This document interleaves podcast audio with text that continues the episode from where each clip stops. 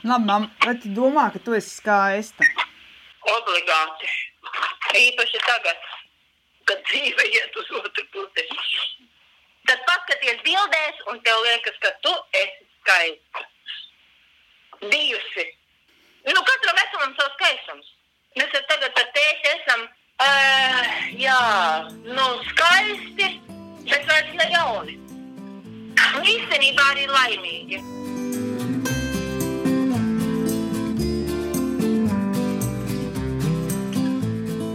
Lai mazliet atslēgtos un nedomātu par pārmaiņām sabiedrībā, kas patiešām sievietēm būtu vajadzīgas, es sāku domāt par sievietēm, kas mani ir ietekmējušas.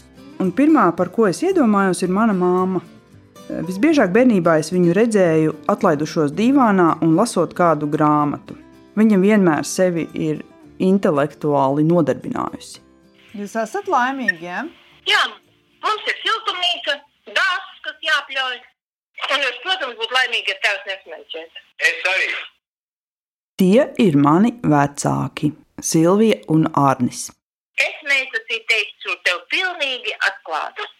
Nesmu tik gudra, lai es tagad ielaistos šādās sarunās. Mana dzīve jau ir nodzīvota. Es nezinu, vai es kaut ko jaunu un interesantu tev pateikšu.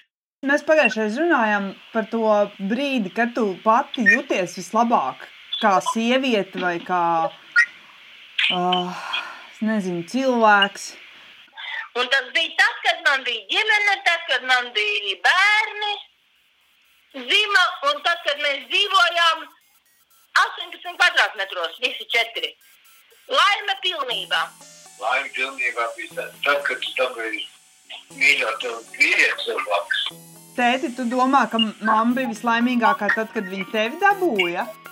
Nu, droši vien. Es vismaz tā domāju. Tu arī biji vislaimīgākais tad, kad tu mammu dabūji. Nu, bija savs mīļotais cilvēks, bija par ko rūpēties, ko apmīļot, ap ko parāties. Katrā ziņā man tēvs iepatikās, viņš arī sportists bija. Viņš sportoja, Lukānu spēlēja futbolu. Es vienmēr skrēju un skatījos. Zini, kas ir, viņam bija baigi foršie garie mati, ja tu atceries. Jā. Un tāds garš augums, sportisks ļoti, un viņš vienmēr ļoti labi iedega. Šobrīd viņš arī ir iededzis. Vai es jau teicu, ka mans tētis ir superseksīgs?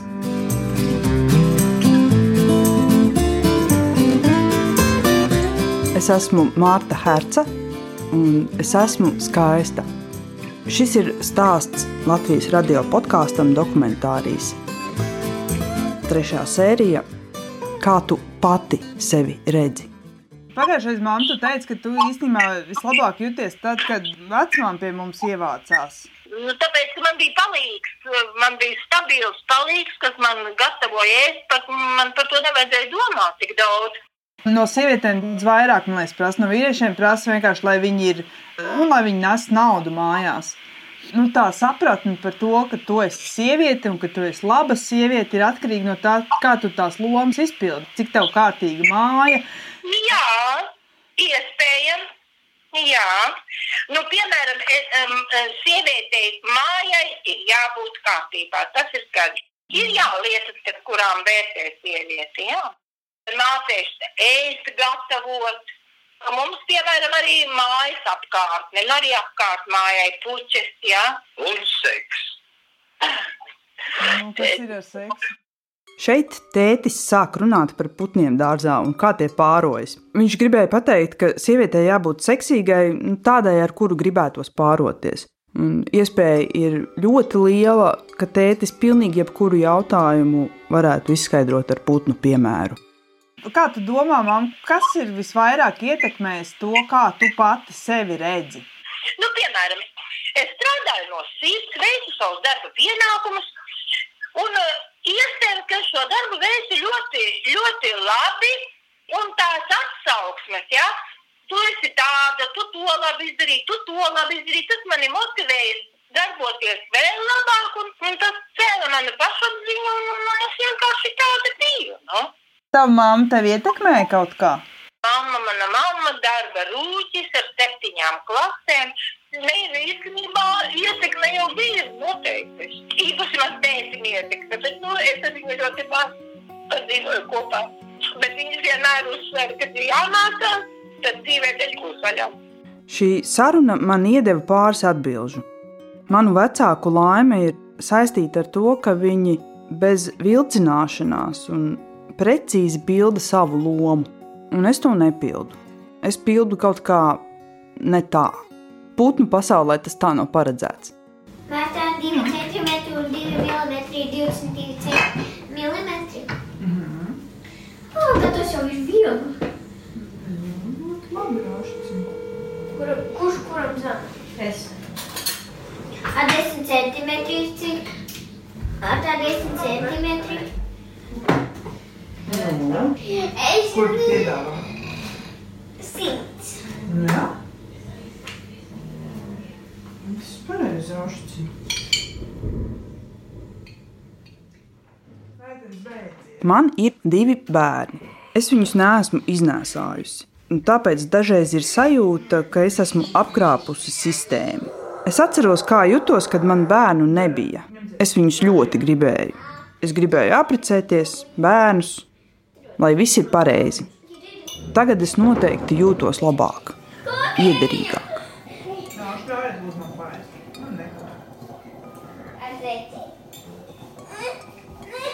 Au! Au! Sāp taču!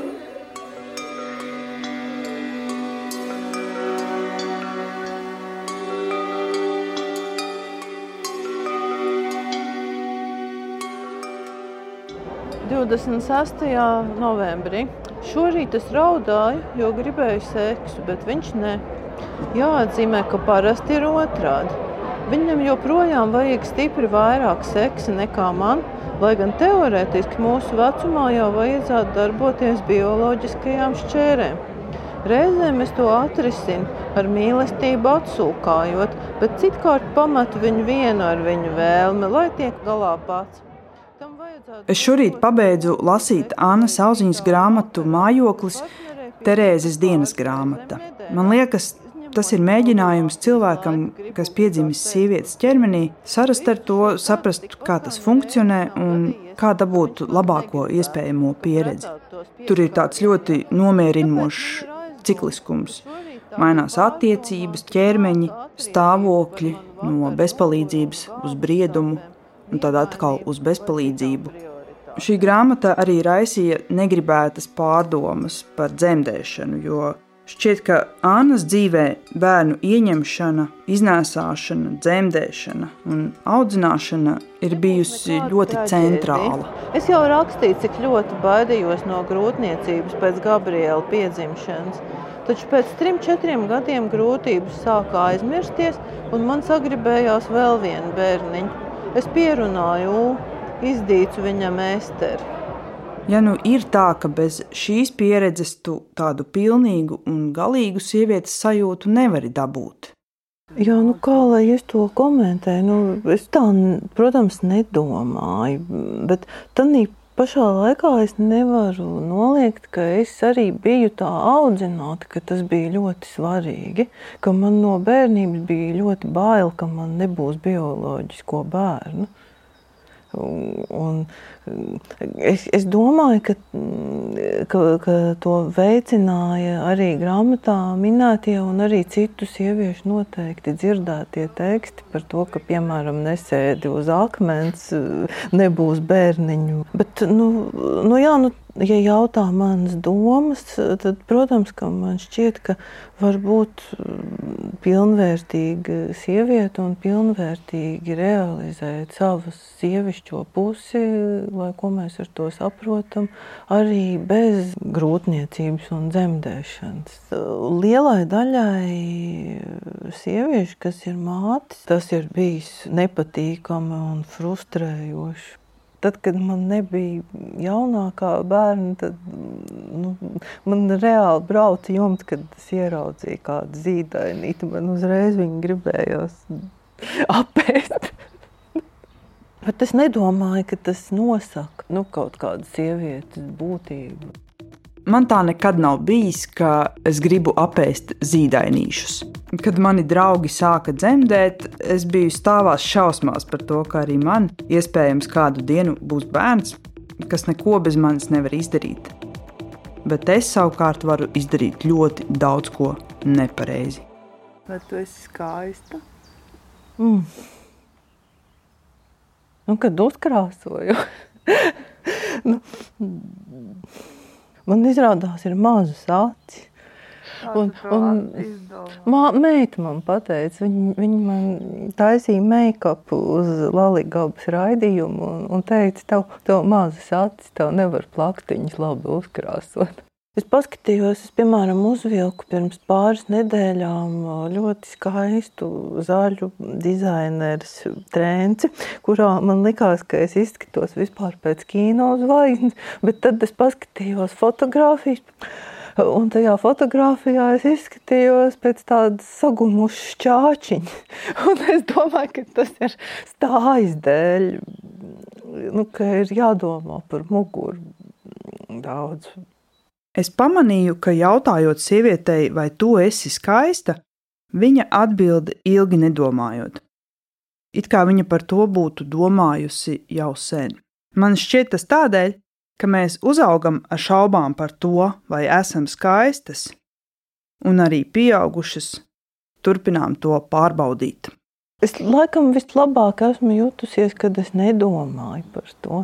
Man ir tādas dažas fotogrāfijas, kas man ir mīļas, kurās man šķiet, ka parādās kaut kas tāds, ka man ir vien, vienalga, kā es izskatos, ka es skatos uz pārējo pasauli, un ka tas piešķir arī tiem maniem vaipstiem kaut kādu tādu skaistumu, kas man pašai patīk. Es nevaru noliegt ka tas ir saistīts arī ar ārējo tēlu, un ķermeni un sejas vaipstiem, eh, kas man patīk citās sievietēs, bet man arī ļoti pievilcīgi šķiet sirsnīga izturēšanās, humors, intelekts, pašpārliecinātība, ka šī sieviete ir droša un atvērta, bet eh, tādā pašā laikā, ka viņas šī pašpārliecinātība ir draudzīga. Es arī uzskatu, ka nav nekā seksīgāka par cilvēku, kas ir pārliecināts par sevi. Tomēr vīriešus, kas nav tradicionāli skaisti, nu, tur ar lielām ausīm vai milzīgiem deguniem, mēs biežāk spējam uztvert kā skaistus. Ja es paskatos uz kursiņiem, kuros esmu bijusi, Nu, nepietiek ar manu harizmu vai šārmu. Jābūt tomēr pareizam ķermenim, apģērbam, make-upam un labi iekārtotai mājai. Kad man nāca 40, es biju nesen sākusi akadēmisko karjeru, bet es arī ļoti gribēju vēl vienu bērniņu. Es arī ļoti labi zināju, ka tas kaitēs šai akadēmiskajai karjerai, un tā arī notika. Anna pamanīja, ka viņas kolēģiem vīriešiem, kam arī parādījās mazi bērni, darba spējas nesamazinājās. Es vēl tagad nevaru veltīt tik daudz stundas darbam uh, un sabiedriskajām attiecībām, kā cilvēki, kam nav mazu bērnu. Es to izjūtu joprojām.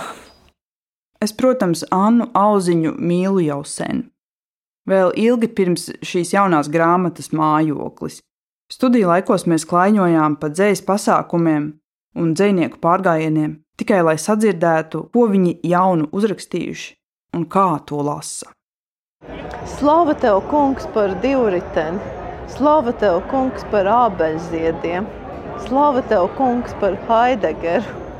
Šis man tik ļoti iepriecina. Bet, atgriežoties pie grāmatas, nevar noliegt, ka tā bija ļoti erotiska literatūra, īpaši sākumā ar to seksu ir tā, ka mēs kā kristieti, mm -hmm. nu, es biju kārtīgi kristieti, atšķirībā no tevis. Tu visi ievēro. Es tā kā tiešām sevi ierobežoju ļoti, ļoti. Un es kaut kādā mērā saprotu to, ka tas laiks ir atlicis ļoti maz, ka vēl var paspēt ar to nodarboties. Nav no tādas bailes, ka tūlīt tā kā beigsies arī šis. nu, es tā saprotu, ka Tas to automātiski nenozīmē. Bet man nedaudz biedē, ka nebūs uh, tā ovulācija. Tā kā es nelietoju nekādas hormonālās tabletes, tad, tad nu, man joprojām ir dabiska ovulācija, kad man ir ļoti izteikts libido. Un, nu, tā es saprotu, ka vecām sievietēm ir seks. nu, ka tā, ka tā, nu, Nu, tas automātiski to nenozīmē, ka viņas nemīlējās. Arī pēc, pēc menopāzes. Nu, kad, kad to var risināt. Bet es vairāk īstenībā satraucos par to, ka es varētu nešķist tāda, ar kuru varētu gribēties.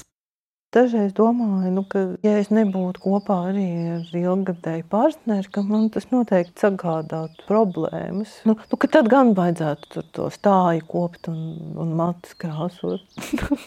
es laikam mazāk par to satrauktos, ja es mīlētos ar sievieti. Sievietēm tā kā zemākas prasības? Nē, bet man liekas, ka sievietes mazāk skatās uz to ārējo. Ka, ka tur ir vairāk kā, tas, ko tu jūti, nevis tas, ko tu redzi. Man arī tā likās, bet tad, ja es tā paskatos uz tiem cilvēkiem, kas man šķiet interesanti, viss ir diezgan skaisti. Bet cilvēks novecojot, nekļūst automātiski neglīts. Nē, nē, ne, tas nav par vecumu, bet pēc tādiem kaut kādiem ārējiem parametriem. Mm -hmm. Skaista seja, e, krūtis, tā, dupsītis. Nu, dupsītis jātrenē. dupsītis jātrenē.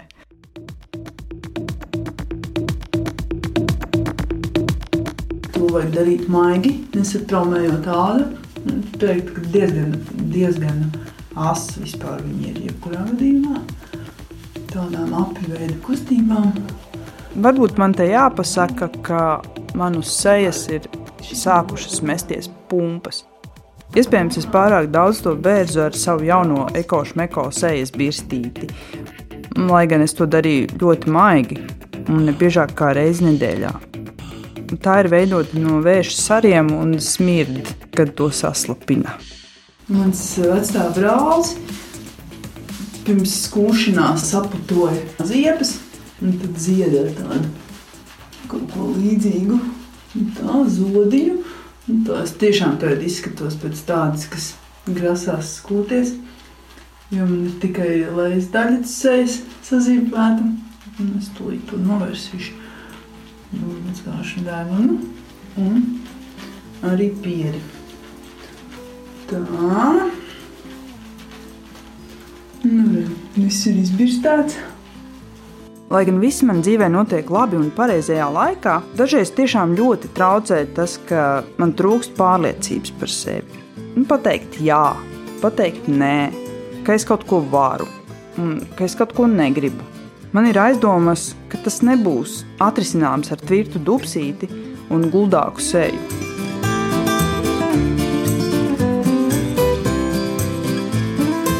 Laiks manifestēt pārliecinātību. Ak, lielais visums! Es esmu pārliecināta, ka man viss, viss, viss, viss, viss, viss izdosies.